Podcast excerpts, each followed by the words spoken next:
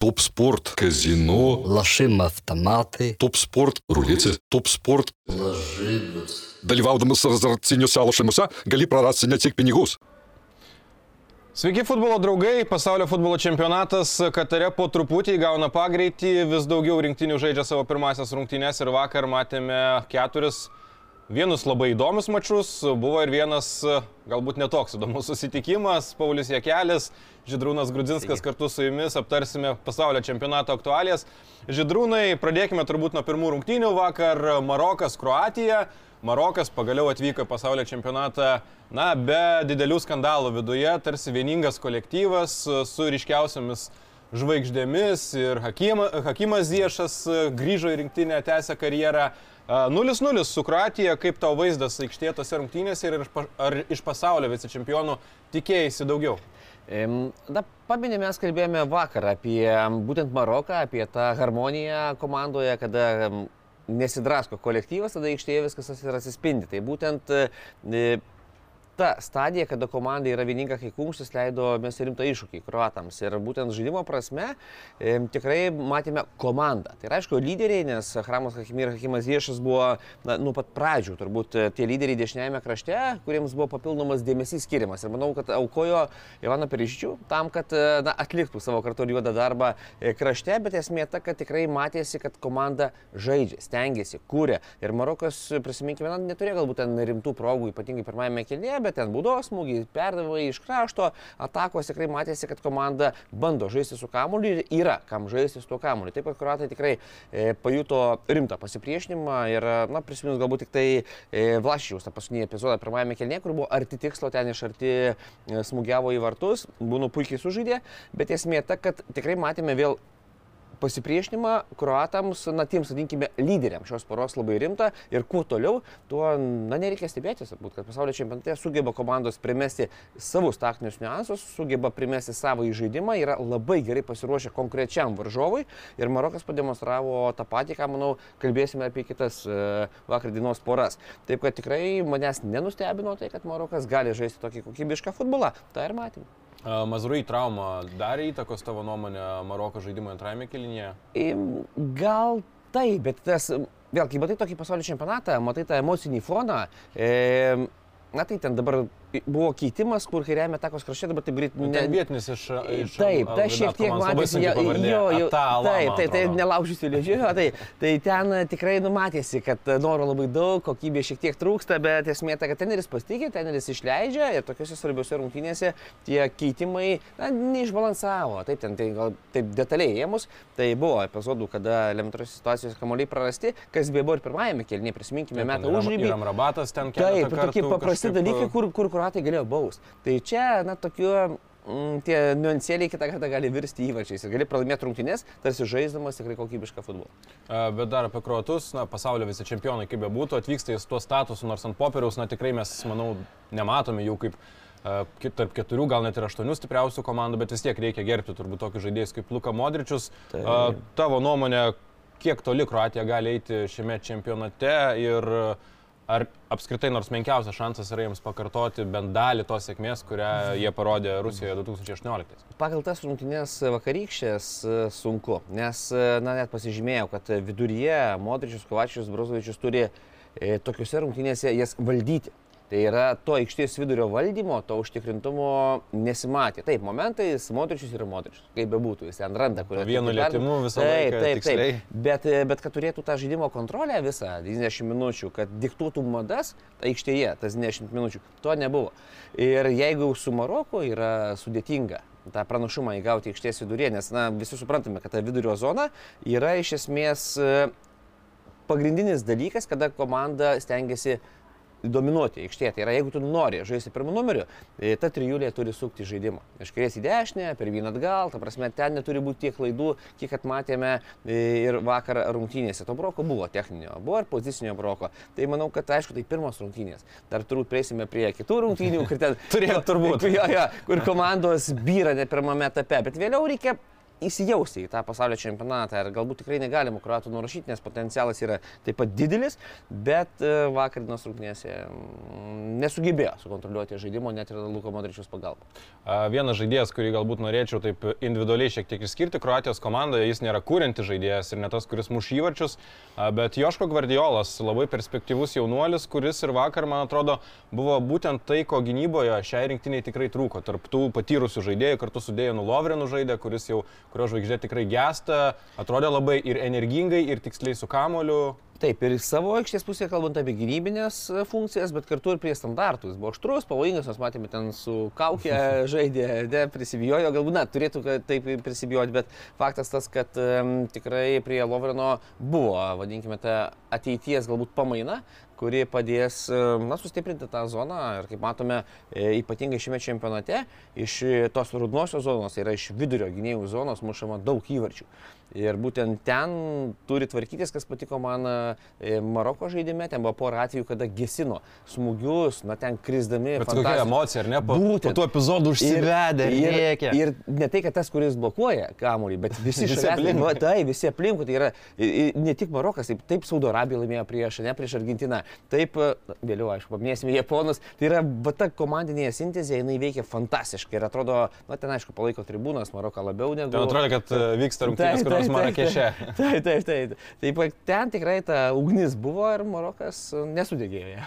Taip kad e, Marokas ir toliau tęsi ir tęs kovą dėl patekimo į kitą etapą, o mes keliamės turbūt į vakar dienos e, e, Saudo Arabijos ir Argentinos reinkarnaciją, rungtynės, kurios baigėsi irgi sensacija, didelė sensacija. Vokietijos rinktinė prieš pasaulio čempionatą sakė, kad mes padarėm išvadas, mes e, suprantam, kokia stipri yra Japonija, jie turi gerus žaidėjus iš Bundeslygos, iš Premier lygos, e, apie kažkokį neįvertinimą negali būti kalbos. Ir pirmajame kelnyje, tiesą sakant, ir atrodė, kad Vokietijos rinktinė labai solidi, labai užtikrinta, pavyko įmušti greitą įvartį Ilkajų Gindoganui 33 minutę realizavo baudinį, paskui buvo Kajus Havertzo įvartis, kuris nebuvo įskaitytas dėl nuošalės, tačiau tuomet 15 minučių pertrauka, antrasis kelinys ir Dankė, Alės Gutės ir viso gero. Židrūnai, apskritai, ar gali patikėti tokia rungtynių baigtimi ir kaip tau tas rungtynių scenarius, priminsiu įvarčiai, kuriuos įmušė Japonija, 80, 75 ir 83 minutėmis, puikiai prisimenu. E, taip, o praleido įvartį pirmajame kėdėje, bet galbūt aš taip sukaposiu į dalis. Kapok. Ne, Nes e, tas e, kelinys yra kaip ir atskaitos taškas, bet tai buvo labai geras pavyzdys, kada 45 minutės žaidė vieną futbolą, o kitas 45 minutės žaidžia kiti e, futbolą. Tai vad vokiečių pirmasis kelinys buvo totalus, e, ten statistika, jeigu pamenu, gal 13-1 buvo kažkas ten tokia smūgių statistika, bet esmė ta, kad vokiečiai galėjo, na kaip mūsų kolegos mėgsta sakyti, uždaryti tą klausimą pirmajame kelinė, kalbant apie galimybę laimėti šias rungtynės. Ir iš tikrųjų man kas labai patiko, jau, na kalbant po pertraukos, ką pamačiau, tai galbūt, aišku, taip nešokidėkime, dar pabaikim tą pirmą kelnį. Įvartis, dar yra galimybių vokiečiai ir tas scenarius, man viduje, taip žiūrint rungtynės, Argentina, Saudo Arabija. Nes kokybė japonų geresnė, vadinkime taip, ir tik laiko klausimas, kad jie galėjo šauti. Bet jeigu nebūtų tų taktinių sprendimų ir jeigu neišeitų to mesų į aikštę ir nestotų 3-5-2, tai yra pirmajame kelnyje trūko vieno žmogaus atako zonoje. Kalbu apie japonų kontraišpolius, apie japonų tą pastatytą tranziciją į priekį, jo trūko. Ten dabar gal labai na, būtų lenta parodyčiau, kur ten ką, ko pritrūko. Kitą kartą atnešim Jo, e, Bet e, po to antrajame kelnyje kai išėjus to mesų į aikštę sustojo trim vidurio gynėjais ir kraštus pakėlė į viršų ir pa, pakėlė dešimtą numerį prie na, atako zonos. Ir prisiminkime pirmą įvartį, kada iš krašto buvo kamuolys ir Noiris palėtė kamuolį, na kaip taip pamušė. Pirmajame kelnyje ten nebuvo to zonos žmogaus, tai yra jo trūko.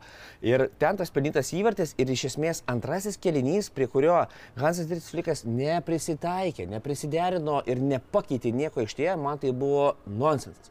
Nes mes kritikuojam dažnai žiūrėdami mūsų rinktinę, mūsų klubus, ne, kad na, ten nesugeba aikštėje. Nėra to lankstumo rungtynėse, Taip, nėra ten nereaguoja variantų. Taip. Tai dabar žiūrint į Vokietiją, kur tu turi analizę ten aš netyliu. Ta prasme, ten yra viskas taip išgliaudenta, kad tu ten turi variantus, na, žinot, kaip kompiuterį paspaudi, pumti šoka programa, persiskaitimas, pasakai žaidėjai ir jie taip žaidžia. Tai va to nemačiau, kad e, jeigu jau treneriai nesugeba taip greitai, na, visko pakeisti, tai aikštės žaidėjų tas na, meistriškumas leidžia patiems pajusti, kad na, tu plauki. Tu matai, kad jau yra tavo zonai papildomas žmogus, kad atakas konstruoja per kraštus, kad ten e, tie momentai, kur man buvo labai keista matant, kad vokiečiai pasimetė kaip Argentina. Tai vėlgi, ką reiškia tas jaudulys, ką reiškia tas spaudimas psichologinis. Tu pirmauji, vienas nulis, tu išeini į aikštę ir antrame kelnie ir tavęs nėra. Ta prasme, taip kaip ir bando komanda žaisti, ten buvo, kada galima buvo išlygyti rezultatą prie 1-2. Bet tie įvarčiai vėl rodo, kad labai puikiai persatė žaidimą japonų strategas ir vokiečiai prie to absoliučiai neprisitaikė. Tai štai man tai buvo toks na, didelis klaustukas, kodėl, kame šaknis, kaip komanda tokio lygio nesugeba e, orientuotis į pokyčius aikštėje, kalbant apie varžovų taktinius niuansus. Tai čia Japonam 10 rašau už tą. Tai galima daryti turbūt išvadą, ar ne, kad trenerių dvikovoje šį kartą Taip. vokiečių strategas Flikas sudegė. Sudegė. Tikrai sudegė ir, kaip parodė jo veidą, po antro įvarčio nesuprato, kas įvyko. Bet aišku, tas įvartis vėlgi, na, kalbu jau apie antrąjį. Na, šiaip e, individualus meistriškumas žaidėjo irgi toje situacijoje. E, kieno žiūrės? Krašte, kur užmygo. tai čia vėl na, įrodymas to, kad ir tokio lygio žaidėjai elementariai situacijoje išsijungia išsijungia, nepamato, kur linija, kaip laužoma, nes ten buvo nu, specialiai daroma, tą vadinkime, nuošalė, ne? nes kamuolys ten kažkur toli, užsima gynėjas kraštėje gerą poziciją, leidžia tam pulėjui būti priekyje, o ziulė ten kitoje pusėje kažkur žiūri į tablo, galbūt ieško kokių gražių merginų tribūnos ir gana, ta prasme, va tokia elementari klaida. Ir nubėgo, aišku, įmušė. Ir dar vienas aspektas, kuris man labai taip mintise kirbėjo, Rydigerio elgesys. Aš pasižymėjau, na, vis tiek chronologiją tokią darausi, kai žiūriu rungtynės, tai, na, Rudigeris karsi sieną, vienas prieš vieną be šansų. Ir kai pamenė, bėgo. Ir jeigu neklystu, jis bėgo būtent šalia antro įvarčio autoriaus. Šalia Sano. Taip. Ir tas bėgimas aukštai kelius, ta prasme, tokios patyčios, ne? Bėga ir taip pradėjo kelt kojas į viršų, tarsi, nu kur tu čia pabėgsi nuo manęs. Ir po to vienas, du. Gauni morkytę ir ką? Ir nėra tavęs rudigerį. Gali kilnot, ką tu nori. Taip, tai čia gyriau, gyriau ir po to vėl ta arogancija tam tikra, tas toks to požiūris į varžovą, kad na čia, dingvai sustvarkysiu, kur tu čia pabėgsi. Prašom. Pabėgo, uždėjo po balkį iš nulinio kampo, vienas, du ir viso gero. Taip kad, sakau, na, pasaulio čempionatas kažkoks, nežinau, tie, kas statote pinigėlius, kas žaidžiate tose kontorose, nežinau, manau, ten kelnės paskutinės dėtat ant, ant stalo, nes tai, kas vyksta, kažkas tas sunkiai suvokiama.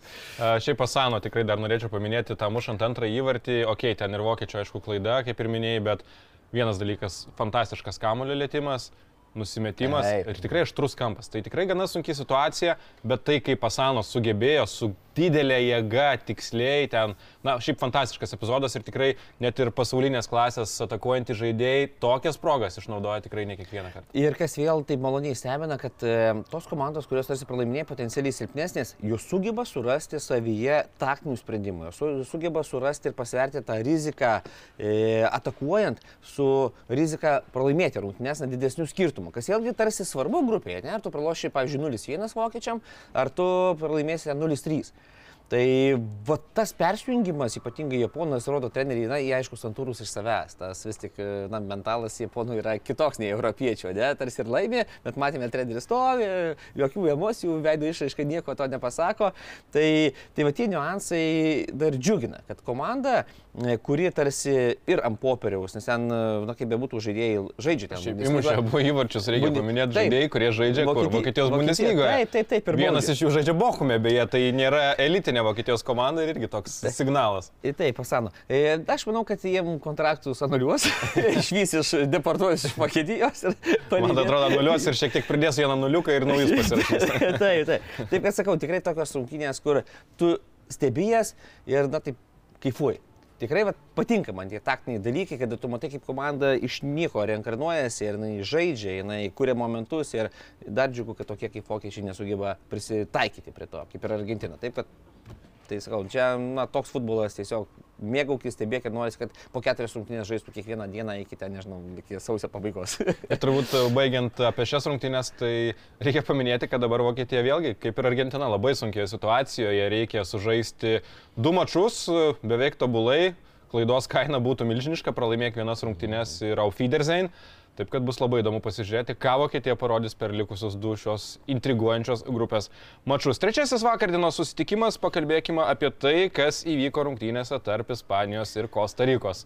O ten įvyko rezultatas 7-0, kolega Ervinas Kli- Kvitkauskas ir Rokas Grajauskas komentavo tas rungtynės, išėjo iš komentatorių kabinos, susijęs už galvos, sako, jau nežinom, ką ten ir kalbėti, nes tiesiog į vieną kasą, į vienus svartus ir atrodo, kad Kostarika na, tiesiog netitiko net e, menkiausių e, tų tokių konkurencijos gabalėlių ir tiesiog buvo sudraskyti į gabalus. Na, Kritikavom Katarą po pirmųjų rungtynių, bet e, čia galbūt tokios kritikos. Čia jau net gaila kritikuoti. Gaila, bet gal tos kritikos ten nereikia lėti ant Kostarikos, reikia kaip tik pagirti ispanus, nes a, tas futbolas, ką matėme, vėlgi, na, aišku, dabar visi sakys ir statymai turbūt bus ir ten lažybose, kad ispanai bus pasaulio čempionais, nes toks futbolas, kaip ir minėjau, tas na, labai ilgas kelias. Nuo grupių iki finalo ir šiandien sužaidė vienas rungtynės fantastiškas, po to gali įkristi į duobę, bet ar ispanai gali įkristi? turėdami tą balansą tarp patirties ir jaunimo, tas, ta kamulio kontrolė, tie sprendimai trečioje zonoje, na, tie, tie pasijungimai krašnių gynėjų, tas visas jų futbolas, kur vienu lėtimu mažuose plotuose, tie trikampiai, bambim tas kamuoliukas juda. Na, jeigu Kostarikos futbolininkai buvo vėliau pavalgę pietus, ten galima ir atpilt. Taip, Kai susuka galvas. kai susuka galvas, gali ir blogą pasidaryti. Taip, kad tą, ką matėme, na, kažkas nerealaus. Danio Olmo pirmas įvartis, man turbūt gražiausias tose rungtynėse.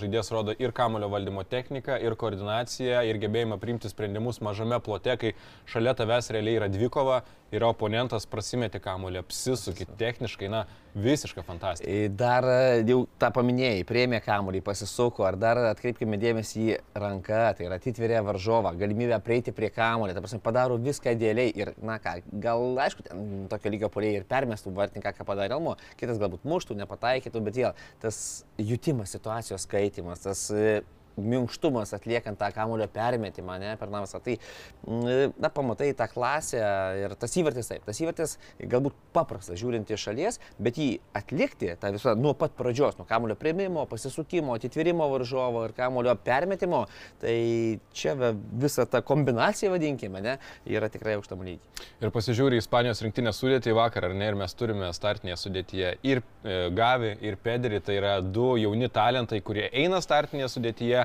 kurie ne tai, kad tiesiog išbėga dėl to, kad jie yra perspektyvūs ir kažkas nori suburti įdomią rinktinę, o todėl, kad jie jau dabar yra geri ir na, tiesiog gražu žiūrėti. Tai kaip architektai aikštėje, fantastika ir kaip pagalvoju, kad dar šie jauni Ispanijos rinktinės žaidėjai gali žaisti tikrai ne viename pasaulio čempionate, tai auga vėl labai, labai gera karta.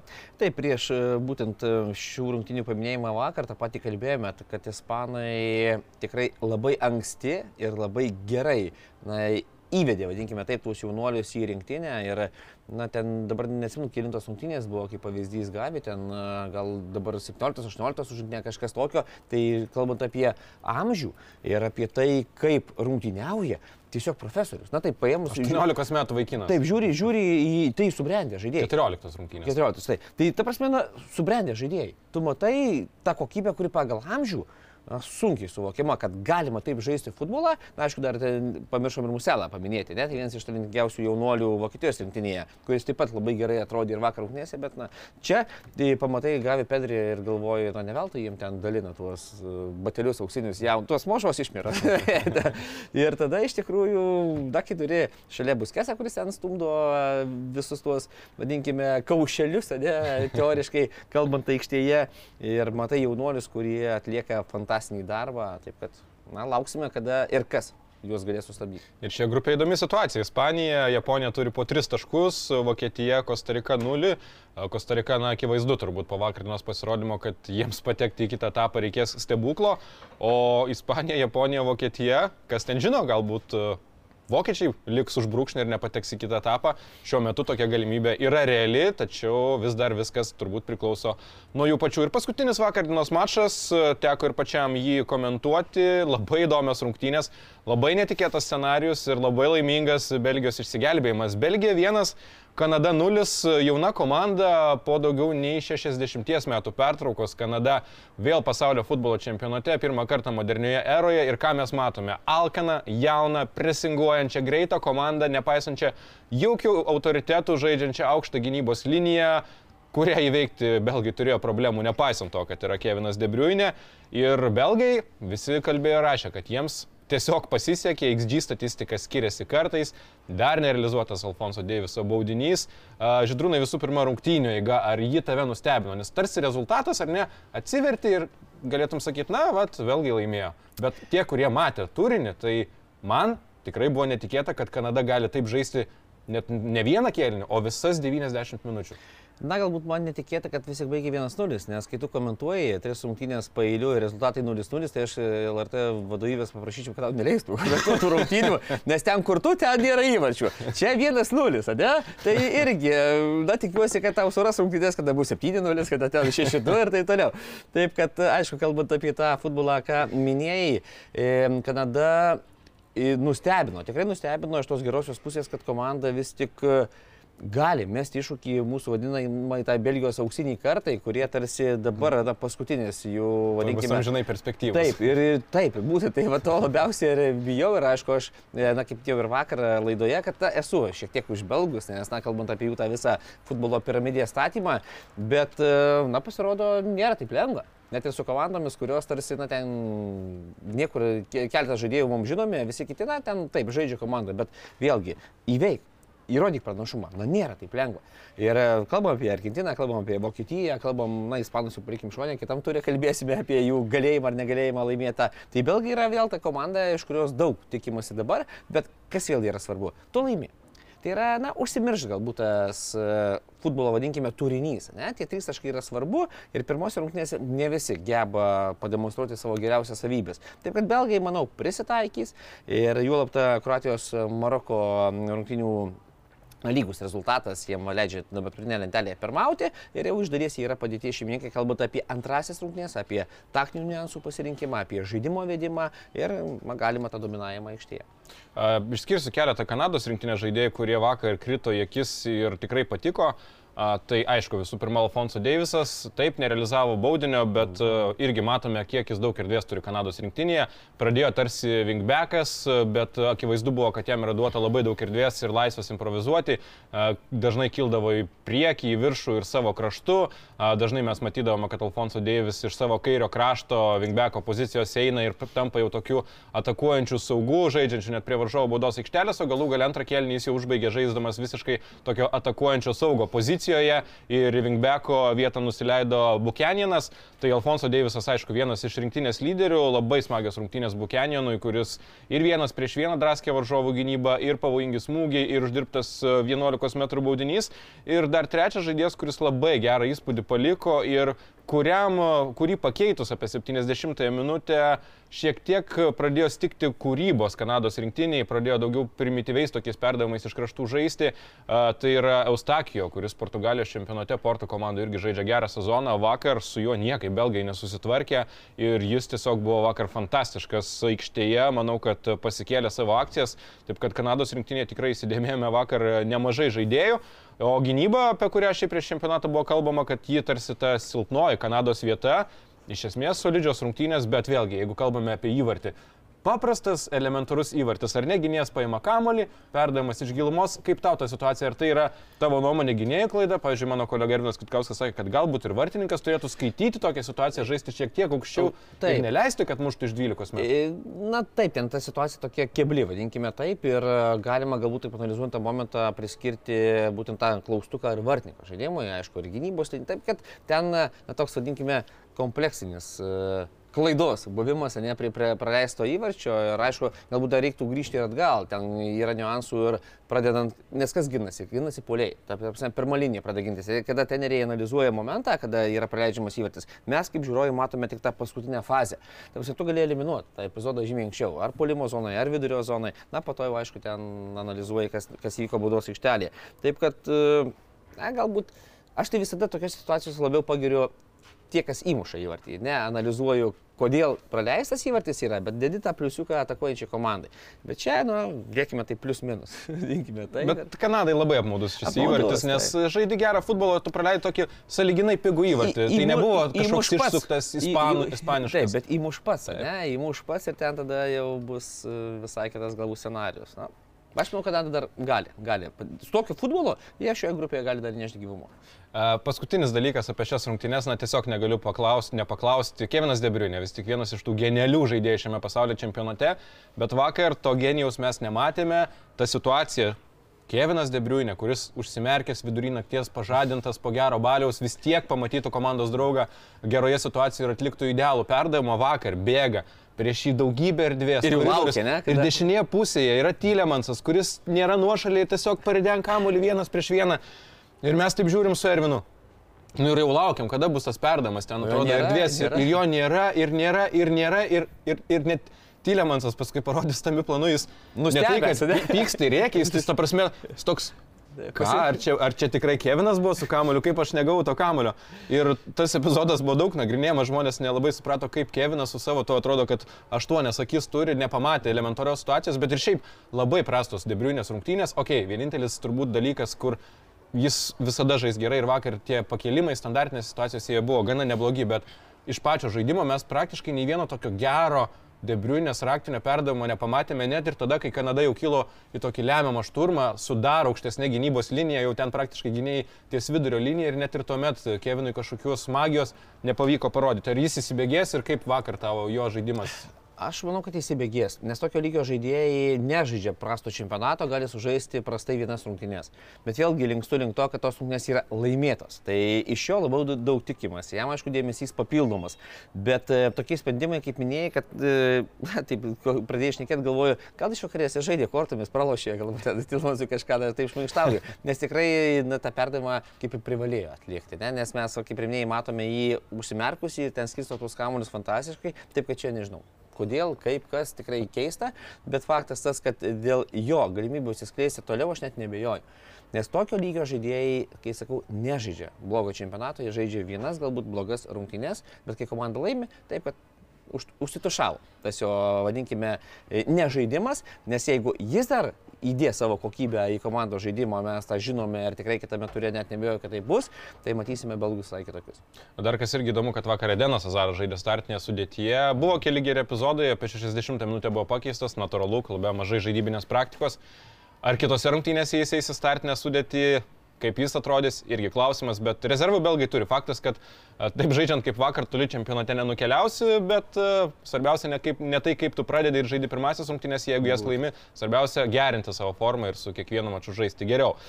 Apžvelkime tai, kas mūsų laukia šiandien. Šiandien vėl keturi mačai pasaulio futbolo čempionate. Matysime ir Brazilijos rinktinę, matysime ir Portugaliją, ir Urugvajų. O diena prasidės rungtynėmis tarp Šveicarijos ir Kamerūno rinktinių. Šioje grupėje Taip pat yra Serbija ir Brazilija, taip kad Šveicarijos ir Kamerūno dvikovoje turbūt šioms komandoms norint labai realiai kovoti dėl patekimo į kitą etapą, iš esmės labai reikalinga pergalė. Ir trys taškai žydrūnai - Šveicarija, Kamerūnas, ką gali pasakyti apie šias komandas, ar matai kažką šių rungtynių favoritetą, ar stiliai šiek tiek skiriasi? Ir man taip nejauku, nes Afrikos komandos puikiai tvarkosi su europiečiais. Tai kažkaip galvoju, kad Kamerūnas e, gal taip pat sugebės prieš pastatyti savo žaidimą. Bet kalbant apie šią grupę, e, aš taip galvoju, kad šveicarai keliaus toliau vietoj serbų. Tai yra, na, brazilai savo ruoštų, ten nėra ką kalbėti. Bet tą antrąją vietą, tai, da, taip galvoju, kad šveicarai vis tik, na šitas šveicariškas laikrodis tai visada stoja galvoje, kaip jis Aš veikia. tai kaip norėčiau turėti tikrą, bet brangus. Brangus, tai. Taip, kad vis tik tas šveicarų, tas futbolo stilius, ta vėlgi žaidybinė drausmė, manau, gali jiems, ypatingai šiuose rungtynėse, nes kaip ir minėti, yra, mano manimu, kertinės rungtynės jiems, nes serbai, taip, turi pavardžių, bet serbai, na, taip, mačiau paskutinės jau ten porą rungtynių, aišku, tas laikas praeina, ten tu žaidži ką prieš mėnesį, prieš du, nereiškia, kad žaisi šiandien taip pačiai. Bet šveicarai e, turėtų e, susitvarkyti ir šioje grupėje keliauti kartu su brazilais į aštuntfinalį. Įdomi asmenybė, Rigobertas Songas, Kamerūno rinktinės paskirtas vyriausiojų trenerių. Įdomu, kaip jam seksis, ar tavęs nenustebino toks sprendimas kaip žaidėjas, na, yra ir visokių skandalėlių buvę ir tokia įdomi asmenybė, gana ekscentriškai. E, Vėlgi, kartais ten tie sprendimai pastatyti buvusius žaidėjus, ar ten, na gerai, ten aukštam lygiai žaidžius, tai nereiškia, kad tu būsi geras treneris. Nematom ir Europoje buvusios žvaigždės, kada priima, e, tą stoja prie komandų vairo. Na, man, pavyzdžiui, pavyzdys Gatūzo labai yra, ne, kur Nežinau, ten kaip teneris, sunku pasakyti, bet vėlgi ta pusė jo juodoji, vadinkime taip, nėra kaip paties žaidėjo. Na, na, sunku man suvokti, kaip gali taip vadovauti lengvai komandai, nes na, trūksta galbūt, vadinkime to ir treniravimo išprusimo ar tos patirties. Čia vėlgi tie žaidėjai, kurie gerą futbolą demonstruoja aikštėje, tai nereiškia, kad bus gerai strategais. Ir vadovauti komandai pasaulio čempionate. Mm, aš žiūrėsiu. Man kartais atrodo, kad tiesiog atsidaro federacija buvusius žaidėjus, kas kiek rungtynių rinktinėje sužaidė, sėdi ir galvoja, na, paskambinkim, songui smagus bičias. Europoje be šansų, taip, kad treniruotum be nieko. Tai sakai, paskambinkim, matysi, treniruos tą pačią Šveicariją ar ten Vokietiją. To nebus. Taip, kad čia, na vėlgi, galbūt galim kritikuoti dabar, o po to turėsim užsičiaupti ir, rytoj, kad ir, ir, ir rytoj sakysim atsiprašome, nes Kamerūnas lošia fantastinį futbolą.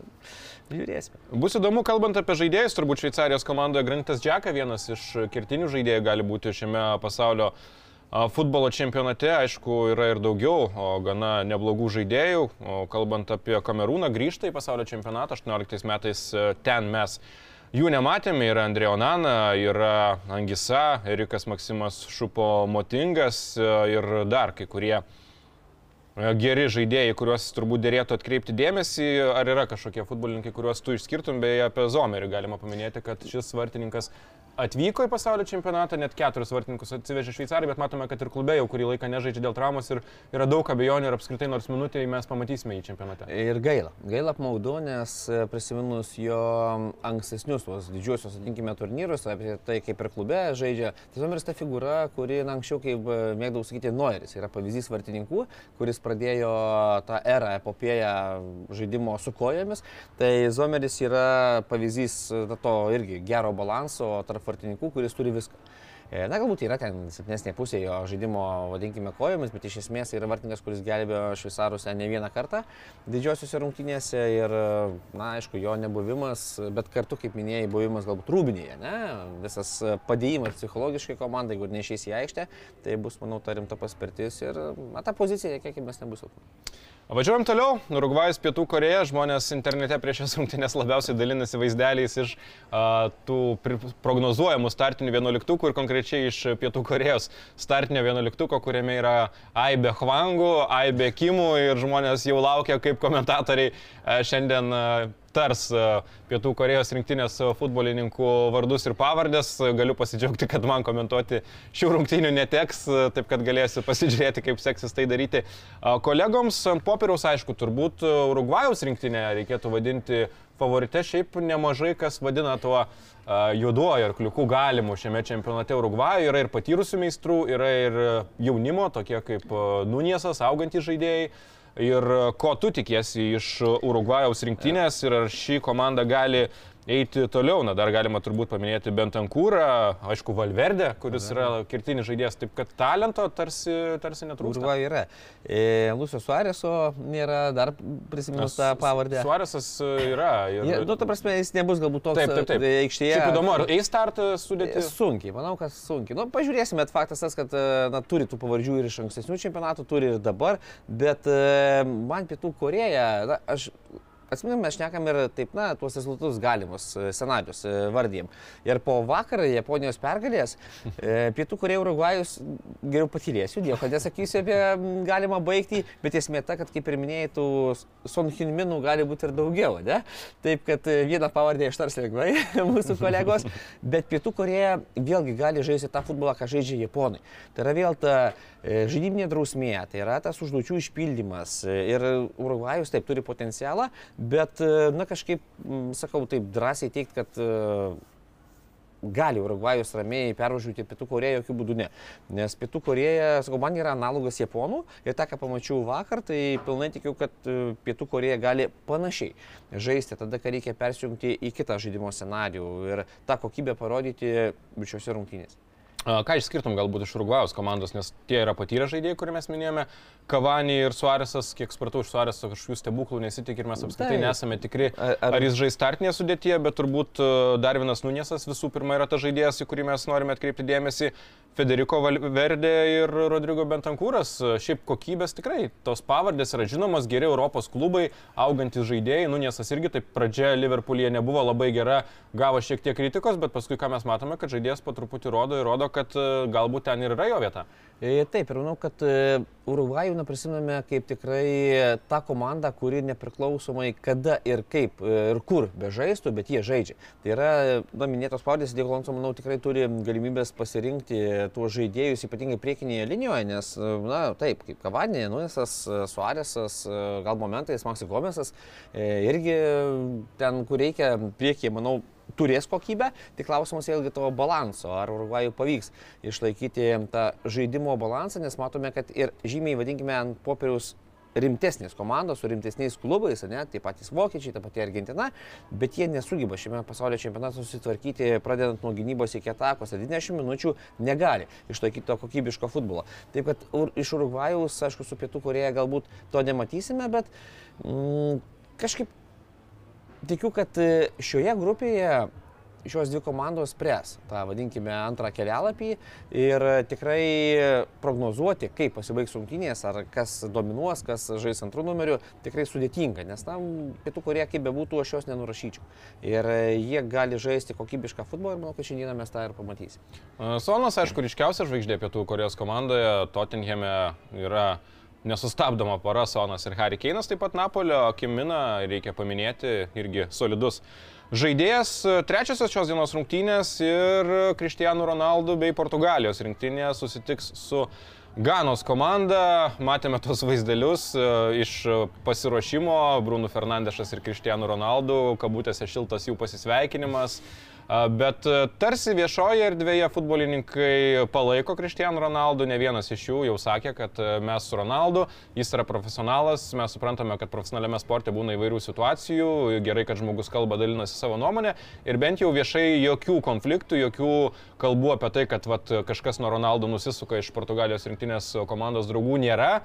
Portugalijos rinktinė, turbūt, kad paskutinis, labai tikėtina, paskutinis čempionatas Cristiano Ronaldo, na, jeigu labai norės, galbūt į sekantį nuvažiuos, bet ten jau jį nebežiūrėsim turbūt kaip į vieną iš rinktinės lyderio, čia turbūt jis vis tiek bus tas devintas numeris, kurį matysime aikštėje, kuris labai tikėtina, galbūt atliks ir baudinius, jeigu tokie bus.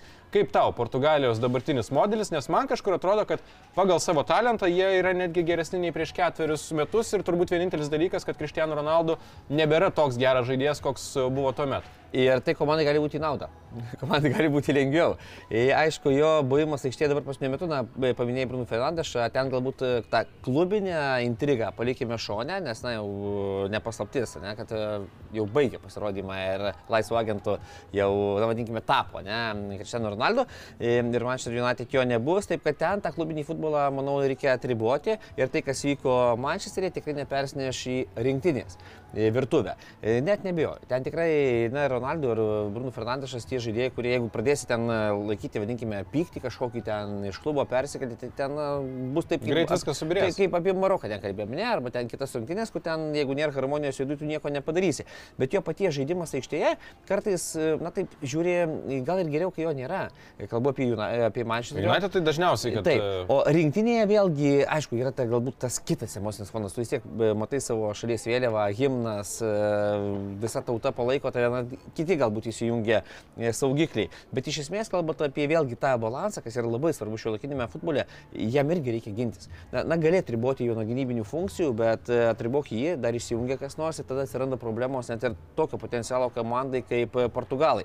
Tai, nežinau, Santošo, man trūksta e, laisvės priekiniai linijai, kalbu jau apie žaidimą kitoje aikštės pusėje, kur improvizacijai negali būti jokių rėmų. Ir kartais stebint portugalų žaidimą, man taip užkliūva ta mintis, kad jie na, ne, nesiskleidžia pilnai. Tai yra įsprausti tam tikrus rėmus, į tam tikras žaidimo schemas ir būtent tą visą savo vidinę energiją jie nepanaudoja konkrečiose rungtynėse. Taip kad juos turi paleisti. Turi paleisti ir kaip e, pamenu, ten anksčiau apie brazilus buvo kalbama, tai teneris rūbinėje net, e, na, nelyzdavo. į taktinius niuansus, kalbant apie trečdalį aikštės kitoj pusėje. Ta prasme, palikdavo. Nu ką tu ten pasakysi, Ronaldo, ten Ronaldinio, kai žaisdavo kokius tu gali įsprausti juos rėmus, ar ten reikalauti kažkokio kokybiško futbolo tam tikrose zonose su tais sprendimais, kas tau atrodo ant lentos paprasta. Taip kad čia man kartais tos tokios schemos, į kurias kartais įspraudžiama Portugalų priekinė linija, jūs ir varžo. Ir e, ar pavyks tai atsiskleisti su Ronaldo šiame čempionate, na, nežinau. Tikrai nežinau ir kartais jis man yra didesnis stabdys negu tas gazas, ne, kur paspaudė akceleratorių ir gali nuvažiuoti. Taip, amžius, metai, viskas tvarkoje, bet kartais jis per daug į save atkreipia dėmesį, per daug imas iniciatyvos ten, kur kartais galbūt geriau palikti komandos draugams ir tada ta Portugalija bus kita. Reikia paminėti, kad Renato Sančias ir Diogo Žotas nėra, Žoto turbūt būtų pravertas Portugalijos rinktiniai. Kita vertus, na, talento šioje komandoje iš tikrųjų yra labai daug. Ir, pavyzdžiui, jeigu pažiūrėsime į tą sudėtį, kuri labai tikėtina šiandien žais, Cristiano Ronaldo, Bruno Fernandešas, Bernardo Silva, Nevešas, Gereiro, Žuau Kancelų, Diešas, na, Šiaip jau labai, labai solidi sudėtis ant popieriaus ir man tikrai atrodo, kad Portugalijos rinktinė dabar yra pajėgesnė nei ji buvo prieš ketverius metus ir taip pat matome, kad tos bėdos, kurios tarsi anksčiau būdavo gynyboje, dabar atrodo, kad na, mes matome Diešą, kaip rungtyniauja, kokį sezoną jis turi tai. ir šiaip ant popieriaus labai solidi komanda, kuri jeigu neturės kažkokių intrigų vidinių, jeigu Cristiano Ronaldo sugebės duoti tai, ką jis gali vis dar duoti, ypatingai užbaiginėjant atakas, ši komanda eis toli ir turbūt sutiksi su manimi, kad bent jau šiuose rungtynėse labai ryškus favoritas. Taip, taip, tikrai sutiksiu su tuo, ir Fernando Santošui galbūt e, na, reiktų žiūrėti toliau į kitas rungtynės, bet esmė ta, kad, e, na, matome, kaip ir, pažiūrėjau, Vokietija ir Argentina nudėka.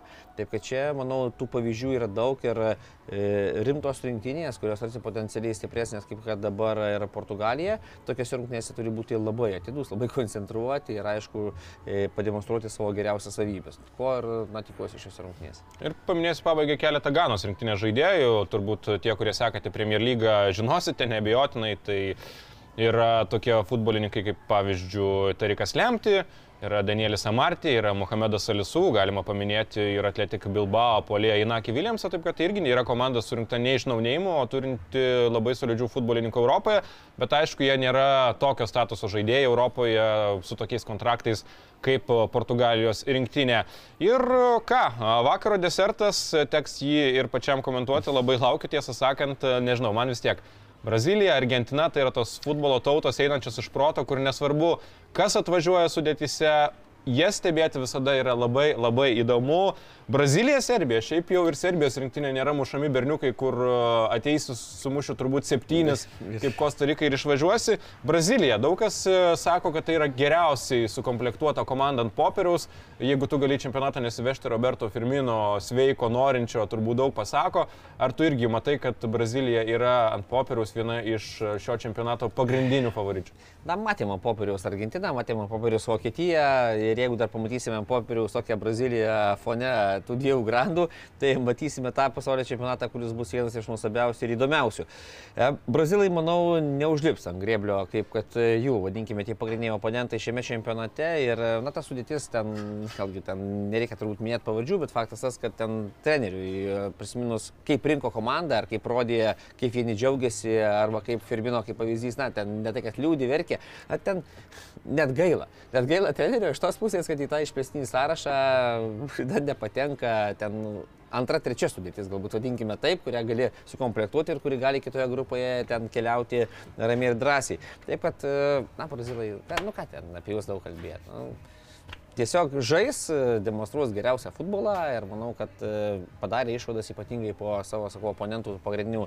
suklydimo, kad tai yra svarbu, tai negali žiūrėti pro pirštus ir manau, kad serbai nelabai matau argumentų, ką gali prieš pastatyti. Ne? Nu, taip, Mitrovičius ten gali, gal Valkovičius. Dar klausimas, kiek Mitrovičius apskritai taip, pasiruošęs, ar mes iš šiandien matysime. Taip, ar jis ten leis, ar neleis, galbūt tokius rungtynėse ir neverta jo leis, nes e, gali likti be kamulio, ne, ten ne, neturėti epizodų, bet e, manau, kad brazilai čia turi įsivažiuoti ir serbai yra puikus varžovas jiems įrodyti savai pasiruošimą šiam čempionatui. Na, šiaip prognozuojama, kad atramoje Kasemirų ir Fredas žais, pasižiūri puolime, ten turbūt e, penki galimi variantai, bet aišku, Neimaras, Vinicijus, e, gali būti, kad ir Rafinė pradės rungtynės. E, Neimaras, šiaip noriu paminėti būtent šį žaidėją, nes vis tiek ta didžiausia turbūt superžvaigždė. E, Brazilijos komanda, aišku, ten superžvaigždžių yra daug, bet e, vis tiek Neimaras yra tas žaidėjas, apie kurį kalbama daugiau nei apie kitus. Ir atvyksta geros formos į pasaulio čempionatą. Klausimas, kaip po pasaulio čempionato jis grįž į klubą, nes matėsi, kad šis čempionatas jam reiškia daug, labai tikrai solidus savo klube. Galime pamatyti galbūt geriausios versijos Neimarą šiame turnyre. Ir taip, ir vis tik tie 30 metų jau yra, vadinkime taip, tas paskutinis irgi galimas to auksinio piko na, pavyzdys, kada Neimaras gali ištemti rinktinę. Nes, na, dar ten po kiek metų sunku galbūt tą pademonstruoti, matome ir iš Ronaldo pusės, ir iš Messi pusės, ne, kur, na, prisiminus ten 4-5 metus atgal, tai buvo vieni žaidėjai, dabar, kaip be būtų, tais laikas bėga. Bet Neimaras turi šalia savo kolegas, kurie netrukdys tau žais. Ir nereikės galbūt kartais imtis tos iniciatyvos, ką pasaža konkuruoja su Mbappé, ne, su to pačiu Messi, na, ten jau kiti niuansai. O čia jis yra žvaigždė, jis yra lyderis ir šalia komanda, kaip minėjote, tiek, kad tai yra pikti.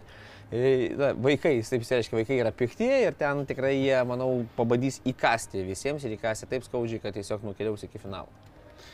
Na ką, apžvelgėme tai, kas laukia ketveriose šios dienos rungtynėse, pakalbėjome apie tai, kas vyko vakar, susitiksime jau rytoj, tikiuosi, kad buvo įdomu, stebėkite futbolą, mylėkite futbolą ir iki greito susitikimo. Ar kuo geriau tokių rungtynių daugiau, ką matėme, tikėkime, kad ir ši diena bus kupina netikėtumų. Iki. Топ-спорт, казино, Лошим автомати. топ-спорт, рулети, топ-sport. Lažybos. Dalyvaudamas azartiniuose lošimuose gali prarasti ne tik pinigus,